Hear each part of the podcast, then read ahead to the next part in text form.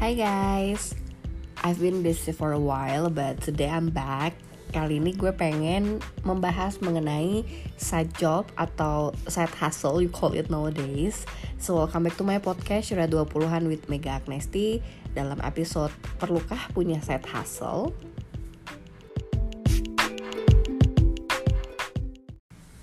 Been observing social media for a while karena memang social media itu it's a part of my personal and also professional life. Kalau membicarakan social media in my personal life, of course it's a source of fun karena gue banyak mendapatkan hiburan dari social media baik itu Instagram, uh, Twitter, Facebook maupun YouTube dan juga TikTok. Dan for my professional life, gue banyak mendapatkan insight untuk brand development, untuk uh, awareness, engagement, how to lead a conversion, and so many things. Dan nowadays kayaknya gue ngelihat social media it could be a source of inspiration for all of you yang punya positive mindset di mana kalau misalnya kalian ngelihat orang yang sukses and then if you have those positive mindset kalian akan termotivasi gimana sih cara dia untuk menjadi sukses tapi social media juga could be a source of toxic kalau misalnya kalian melihatnya dengan uh, negativity or negative mindset atau um, there is something that bothering inside of you. Maksudnya gini, kalau misalnya lo ngelihat kesuksesan orang, kadang orang itu posting nggak bermaksud untuk flexing. Sometimes mereka emang pure sharing gitu kan. But then uh, for some person ketika melihat orang sharing tentang kesuksesannya, kalau memang lagi negative vibes, pasti akan melihat hal tersebut sebagai a bitter pause gitu. Dan sometimes itu benar-benar bisa mengganggu mental health seseorang. And that's okay though. I mean um, social media is actually itu sesuatu yang bisa kita control. If you think social media itu saat ini nggak cocok untuk lo ya mendingan off dulu aja gitu karena with social media lo seharusnya dapat inspirasi lo seharusnya dapat hiburan lo seharusnya bisa connected with your friends uh, bukannya jadi ngebenci gitu ya uh, dan it's a source of information and inspiration for me. So kenapa gue tiba-tiba melebar ngomongin soal social media dan impactnya dalam hidup? Karena uh, nowadays gue ngelihat ya orang itu suka membuat um, sebuah opini di mana semua orang tuh harus sama kayak dia. Most likely ya most likely. Atau kadang kita tuh terinspirasi dari usaha orang lain sehingga akhirnya kita berusaha untuk menerapkan ke diri kita but somehow ada yang cocok ada juga yang tidak gitu kan.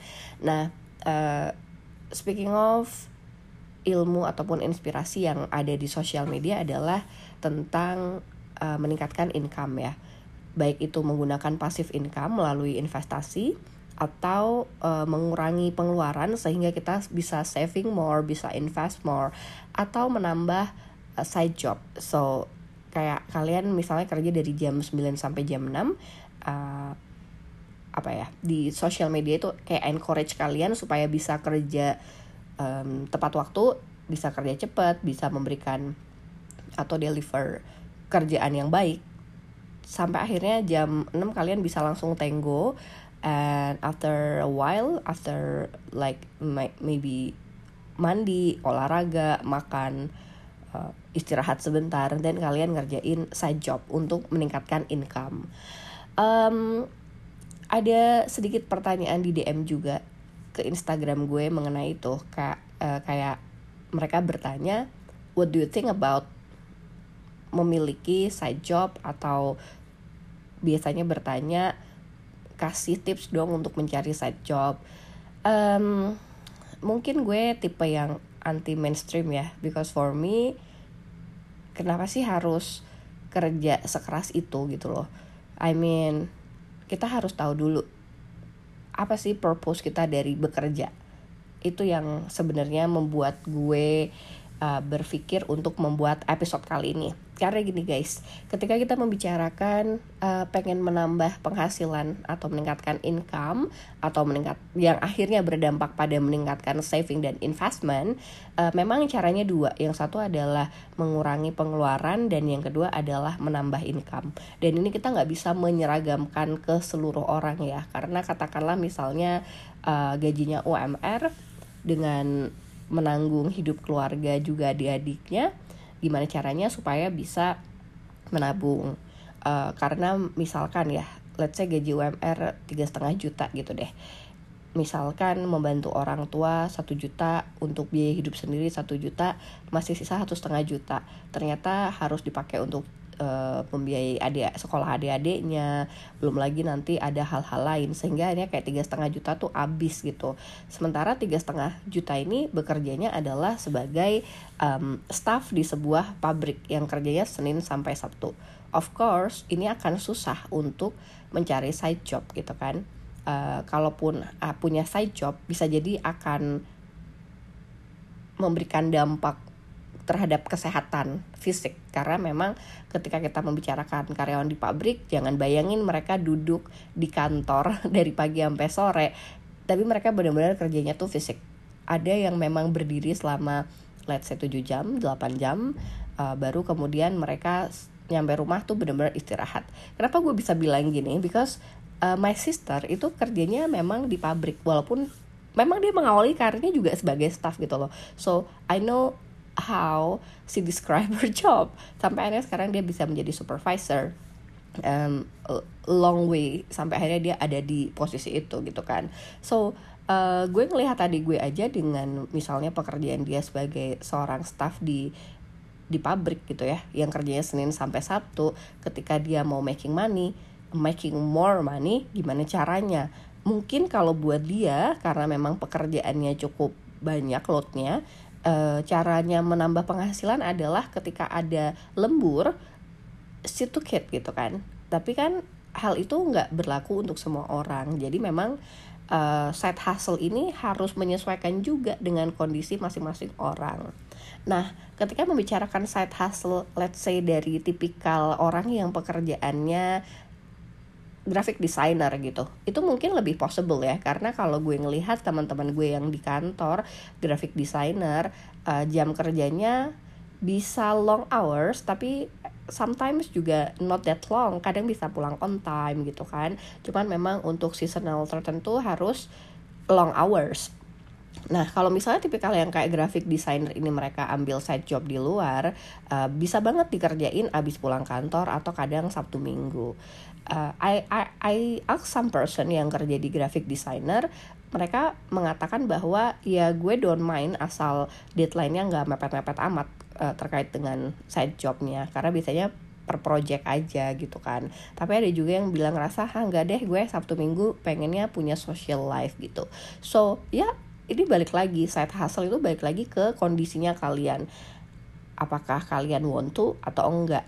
Nah untuk gue pribadi ya uh, ketika membicarakan side hustle um, zaman gue masih uh, well mungkin kayak mulai dari pertama kerja sampai 8 tahun yang 8 tahun bekerja gitu ya. Gue nggak pernah kepikiran untuk punya side hustle karena memang sebagai orang yang bekerja di marketing and communication I may say my working load is kind of like so much karena memang um, kadang Sabtu Minggu aja gue masih harus ngurus event, ada launching and everything.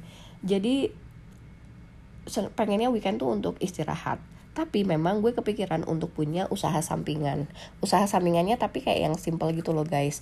Jualan uh, baju ataupun F&B misalkan. Nah, gue pernah mencoba untuk jual baju at that time belum ada yang namanya Shopee atau Tokopedia or any marketplace. Dan uh, memasarkannya waktu itu masih lewat kayak BBM group gitu kan. Jadi uh, gue bisa bilang bahwa at that time untuk punya usaha sampingan toko baju online lewat BBM channel itu kayak berat gitu. Terus udah gitu gue sempat juga punya usaha ice cream.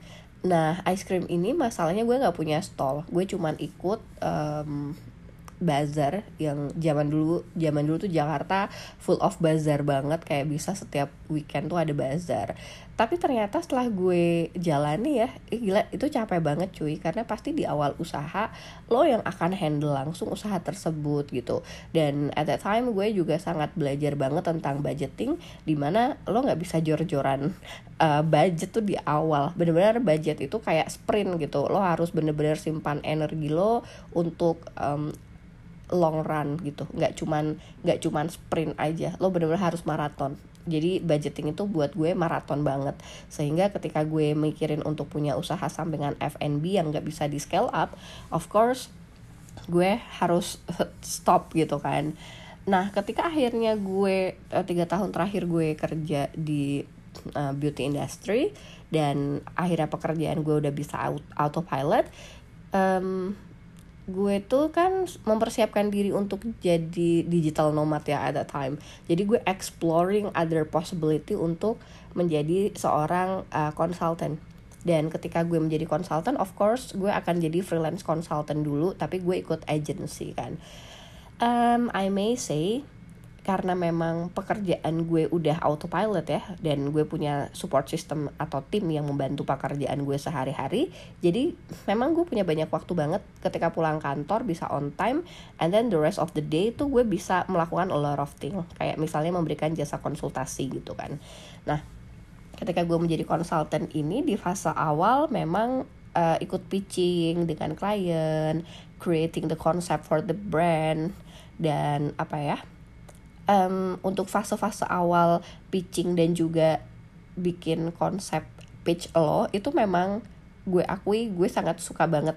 Dan I may say it's so easy. Karena what you do is just like researching terus udah gitu lo designing the concept and then you present to the client gitu kan. And it's really really like an easy job for me karena it was like my daily basis thing. Nah kemudian ketika akhirnya gue mulai masuk ke fase implementasi menjadi seorang konsultan itu agak berat banget sih. Karena memang uh, gue harus benar-benar jago untuk membagi waktu di mana pekerjaan kantor gue nggak boleh terganggu dan malam gue baru talk to my team di tim agency itu tadi.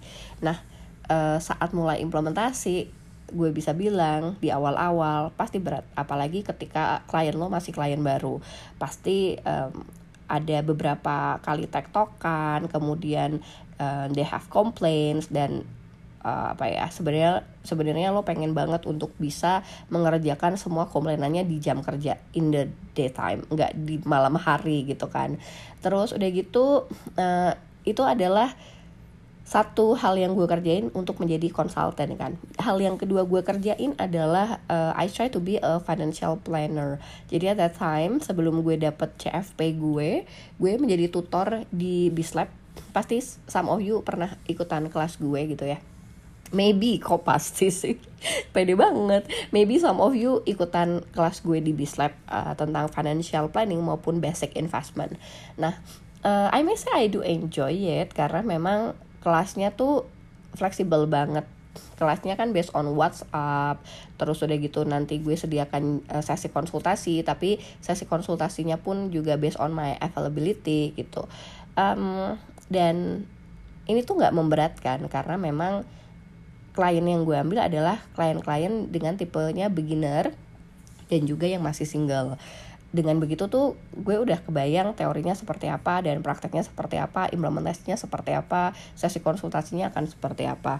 Dan gue happy banget ketika gue menjalankan uh, untuk menjadi seorang financial planner. Makanya akhirnya ketika gue resign Uh, itu adalah pekerjaan pertama yang pengen gue lakukan but then I changed my mind ternyata gue lebih pengen uh, langsung bekerja di perusahaan investasi anyway ketika membicarakan uh, side hustle yang menjadi seorang tutor untuk kelas financial dan investment itu gue happy banget. Karena gue nggak ngerasa terbebani uh, jam kerjanya pun sangat fleksibel jadi nggak mengganggu aktivitas gue di kantor. Dan um, ketika akhirnya gue exploring other thing in my life gue kan pengen punya usaha. Dan kalau kalian pernah dengar brand gue yang namanya Art and Herbs itu apa ya mungkin gue tipe orang yang suka menjadi seorang creator guys. Jadi uh, ketika gue menciptakan produk ini tuh rasanya thrilling banget. Mulai dari pemilihan bahan pemilihan packaging kombinasi wangi and everything itu sangat sangat thrilling buat gue. Exciting banget. Sampai akhirnya brand ini bisa launching setelah enam bulan um, development dan berjalan. Nah cuman memang ketika gue punya brand sendiri ini tuh sangat mempengaruhi pekerjaan gue di kantor. Karena kan you know the excitement is different kan. Terus dari gitu kadang juga lo masih harus talking to your vendors during uh, working hours. Jadi uh, gue bukan tipe orang yang happy ketika pekerjaan utama gue terganggu dengan pekerjaan-pekerjaan gue lainnya uh, yang di luar main job gue gitu so akhirnya gue kayak menganalisa gitu dari pekerjaan utama kemudian gue punya side job untuk jadi konsultan kemudian gue punya side job juga untuk jadi financial tutor dan gue uh, developing my own business. Apakah gue jadi mau mati gitu ya? Iya mau mati rasanya. Karena karena memang apa ya um, I may say, I may say ketika pekerjaan gue udah sangat autopilot dan bisa ditinggalin, the excitement tuh nggak lagi sama kan dengan awal-awal gitu. I know, I know kalau misalnya gue udah ada di fase itu, gue harusnya move up. Artinya gue harus mendapatkan bigger responsibility ataupun gue seharusnya um, cabut dari kantor tersebut untuk mencari challenge baru tapi itu gue ya ketika gue tahu gue udah pada fase autopilot itu emang waktunya gue harus berkembang lebih lagi. Dan apparently at that time karena masih covid and everything jadi agak susah tuh untuk move up. Akhirnya gue move out kan dari kantor tersebut. And then um, gue melihat apa yang gue jalani ya di waktu-waktu itu tuh sebuah hal yang uh, bikin gue kaget juga gitu. Ternyata ketika gue punya side hustle uh, it's not just the money tapi uh, the energy yang kita habiskan tuh berbeda gitu. Ada karena gue tipe yang gampang bosen ya dengan rutinitas pekerjaan jadi ketika gue punya project-project baru gue of course merasa happy. Tapi untuk waktu be kayak lo kayak jangan tanya deh waktu itu gue jugglingnya gimana? Karena gue pulang kantor tuh biasanya udah punya janji untuk um, pitching ataupun consulting dengan beberapa brand yang menjadi kliennya agensi gue. Kemudian yang kedua biasanya gue teleponan untuk financial consultant dan on weekend biasanya gue uh, either ada kelas untuk financial consultant ya atau misalnya gue uh, mulai develop my own brand gitu kan. Jadi karena mungkin covid juga uh, gue nggak banyak going out uh, ataupun hangout sama teman-teman gue. Jadi waktu itu uh, untuk punya those kind of activity itu masih bisa gitu.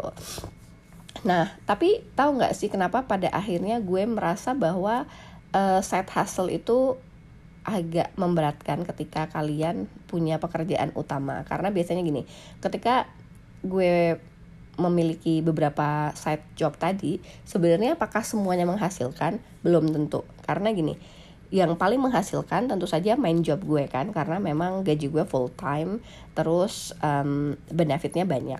Ketika gue menjadi freelance untuk marketing consultant itu tadi um, gue mulai dibayar ketika kliennya deal setelah pitching kemudian implementasi kan dan implementasi projectnya tuh kayak bisa tiga bulan ataupun enam um, bulan tergantung kliennya maunya seperti apa.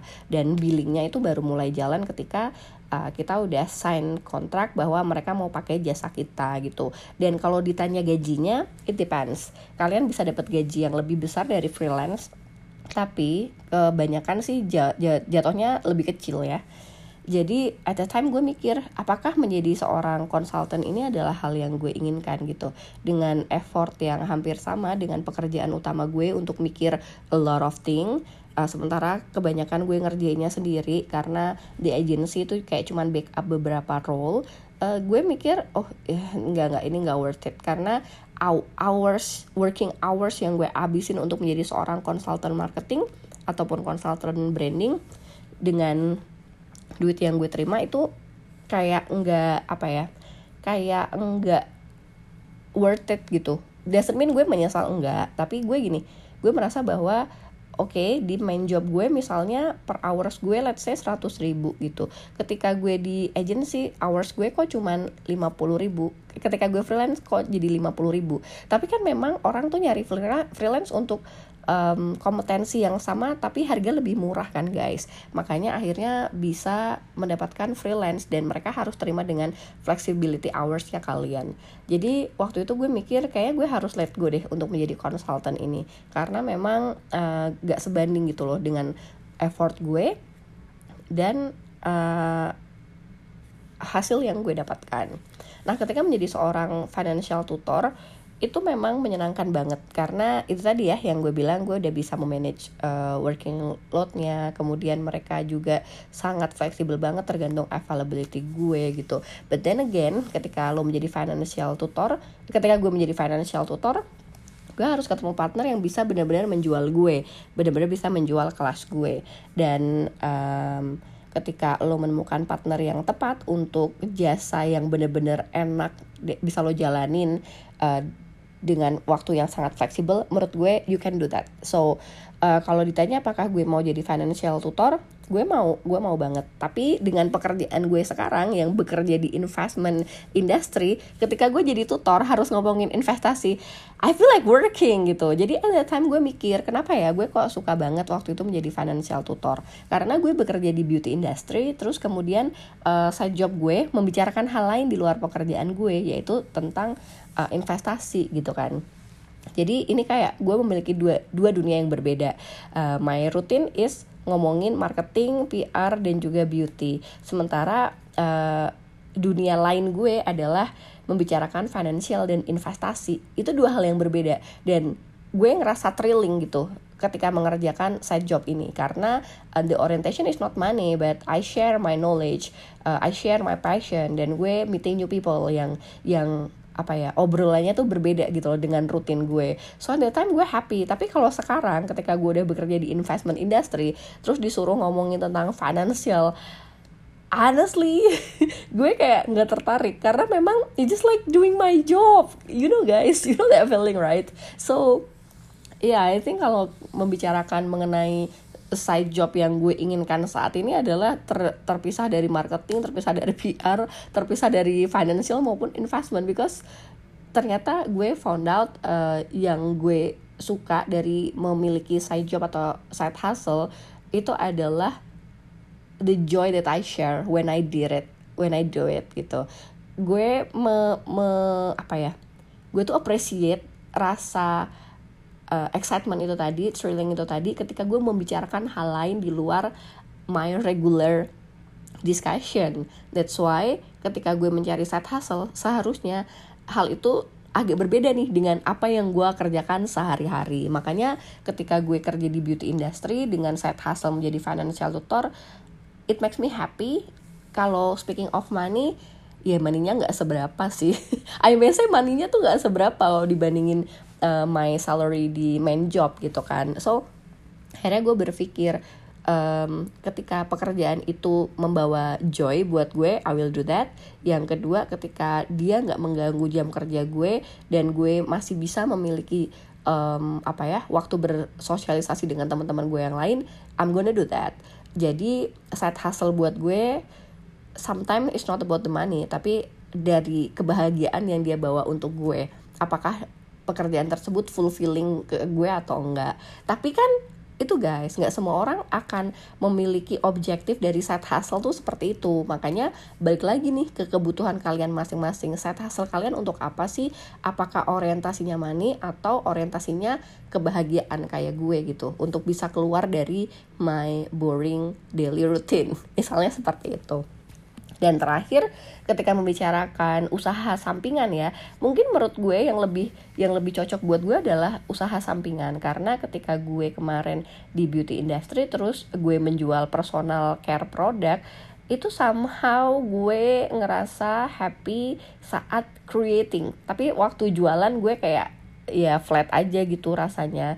By flat doesn't mean gue nggak happy ya dengan mendapatkan uang yang lumayan gitu dari usaha tersebut.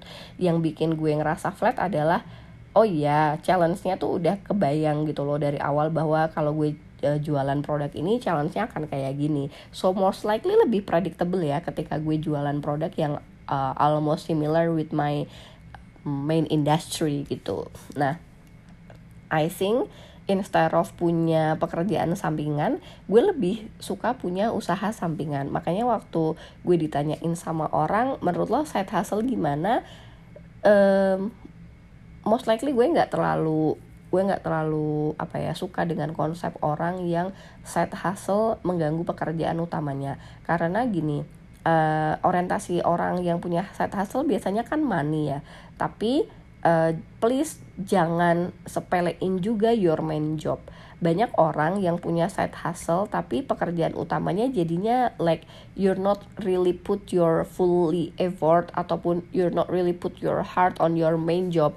Sehingga akhirnya main job lo yang kadang ngasih lo hasil lebih besar malah lo anak tirikan. Jadi ketika kalian memutuskan untuk punya side hustle please please please please banget kalian juga tetap harus fully effort on your main job kalau misalnya kalian deliveries harus 1 sampai 10 di main job, please do that dan please do uh, please be on time gitu. Jadi memang uh, yang harus dilakukan adalah disiplin ya. Disiplin terhadap diri sendiri, disiplin terhadap apa yang harus kalian uh, jagain dalam KPI pekerjaan kalian. Karena dengan begitu kalian tetap bertanggung jawab itu terhadap pekerjaan utama yang ngasih kalian nasi dalam hidup ini gitu. Nah, kalau side job misalnya kalian punya side job yang bikin kalian secara commercial benefit atau secara money gitu ya lebih menjanjikan uh, why don't you put your side job as your main job? Karena gue pernah ketemu ya sama salah satu temen gitu dia tuh kayak kecapean sendiri gitu di kantor. Sampai ada gue tanya ke dia um, sorry ya gue doesn't mean gue kepo tapi are you having like side job gue nanya gitu kan. Dan ternyata dia bener dia tuh punya dua side job. Walaupun pekerjaannya terlihat sangat ringan ya di side job tersebut kayak jadi social media admin gitu ya. Gue nggak gue nggak kayak uh, judging her sih tapi gue justru kayak pengen berdiskusi sama dia. Sebenarnya apa sih tujuan lo memiliki side job? Duit atau hal lain? Karena kalau duit gue tahu dia bukan orang yang kekurangan uang gitu uh, I don't know ya gue kayak suka aja gitu being produktif dan I I really like uh, doing what I like like jadi social media admin nih gue seneng gitu Oke, okay, so pekerjaan utama lo adalah digital marketing and you're not happy with your job karena your digital marketing role ini nggak soal creative side tapi lebih kepada performance gitu kan. Uh, well, you guys kalau tahu uh, apa ya growth digital marketing atau performance marketing itu isinya lebih ngomongin tentang digital ads kan. Jadi yang ada di benaknya teman gue ini ketika dia mendapatkan pekerjaan digital marketing adalah lebih kepada uh, creative side, menciptakan konten, bikin konten plan, gimana caranya meningkatkan engagement melalui organic channel gitu. Tapi ternyata dia harus pegang dua-duanya, organic dan juga dan juga paid. Dan dia sangat sangat weak di paid dan dia nggak happy dengan paidnya. Makanya untuk mengatasi rasa frustasinya dia nyari side job untuk uh, bikin dia happy most likely sama kayak gue. Dia pengen kayak away dari rutinnya dia dengan memiliki side job. Cuman karena dia memang punya dua klien dan kliennya ini juga butuh dia uh, komit untuk bisa mengembangkan sosial medianya mereka maka meeting tuh sering banget. Bikin konten plan juga harus buru-buru. Belum lagi ternyata sosial media admin tuh harus menyediakan insight juga. Uh, terus gue tanya juga sama dia dan gaji lo dari situ seberapa gaji utama dia kayak bilang bahwa well kalau ngomongin gaji ya nggak bisa dibandingin sih. I'm just like happy doing it.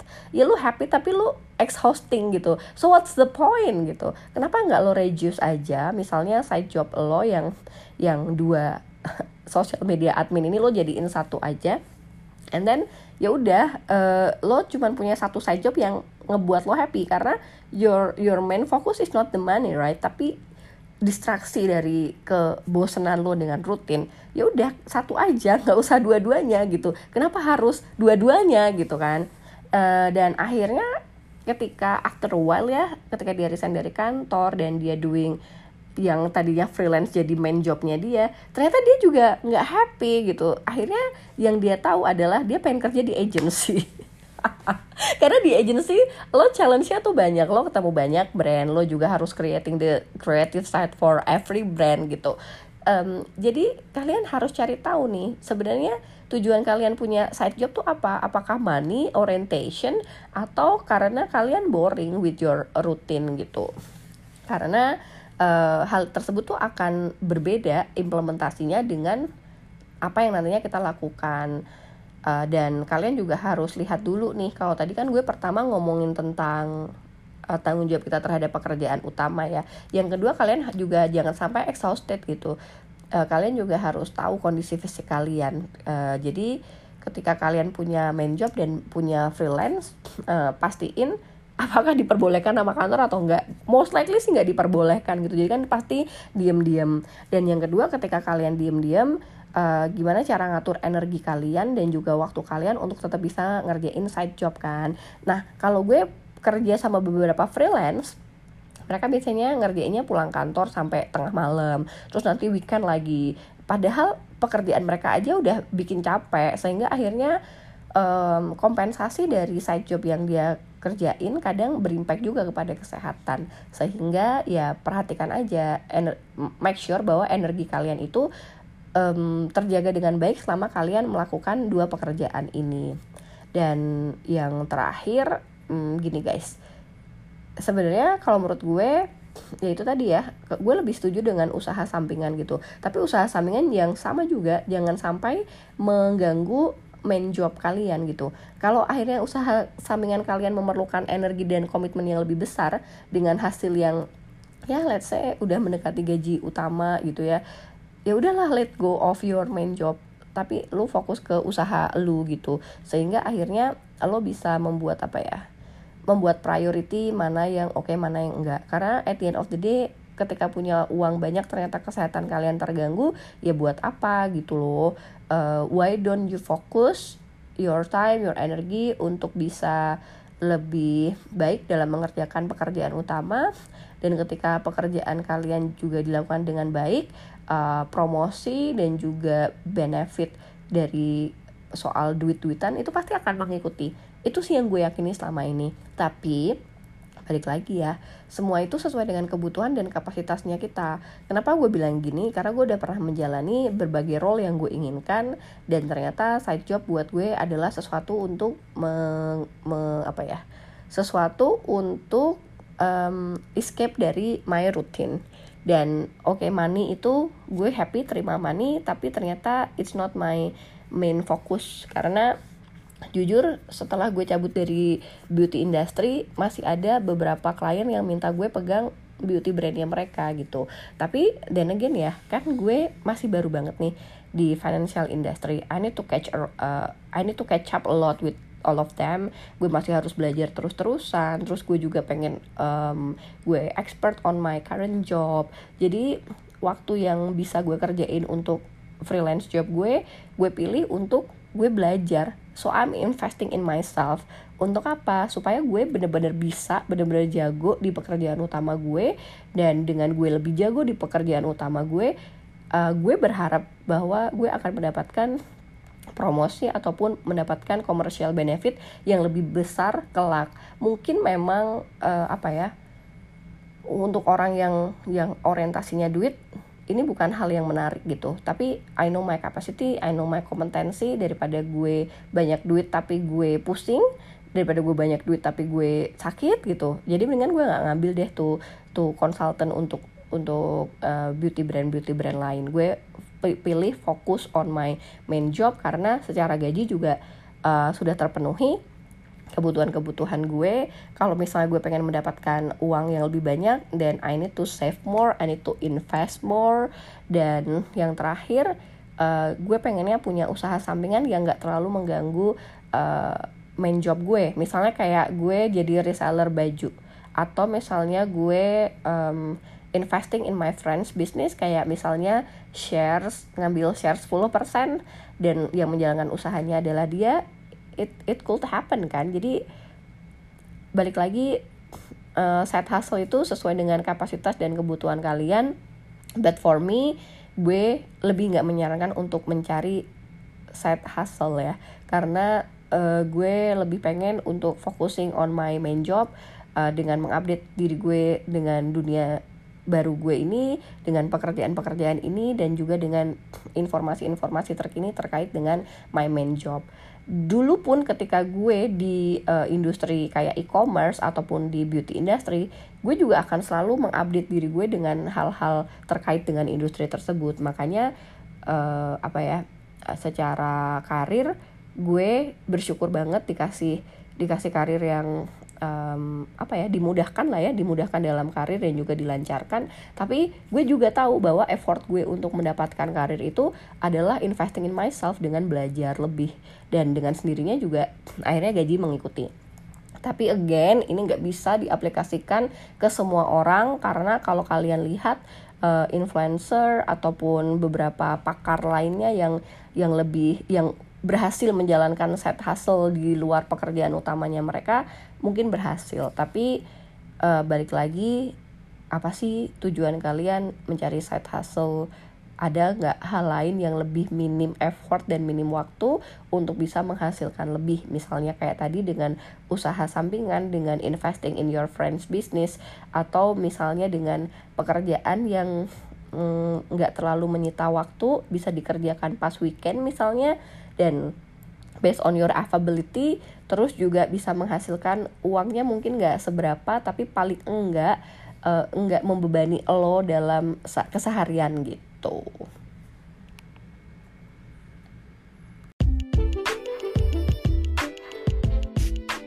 Well, that my two cent about side job or side hustle.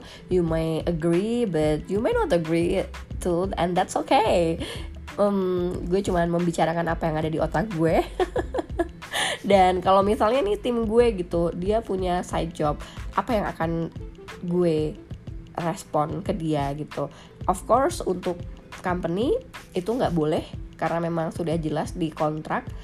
Uh, tapi kalau misalnya gue nggak akan menghalangi orang berkembang but please lo harus komit di pekerjaan utama lo dan gue mau uh, semua delivery yang gue inginkan tercapai, KPI yang gue kasih ke lu juga tercapai, and that's enough for me. Yang penting prosesnya sudah berjalan dengan baik dan dan hasilnya gue yakin akan lebih baik lagi. Sampai ketemu guys di podcast selanjutnya um, ini gue bikinnya lagi puasa so untuk kalian yang sedang berpuasa Selamat menjalankan ibadah puasa dan untuk kalian yang lagi memperingati Good Friday, sebentar lagi pasca selamat merayakannya ya. Sampai ketemu lagi. Bye bye.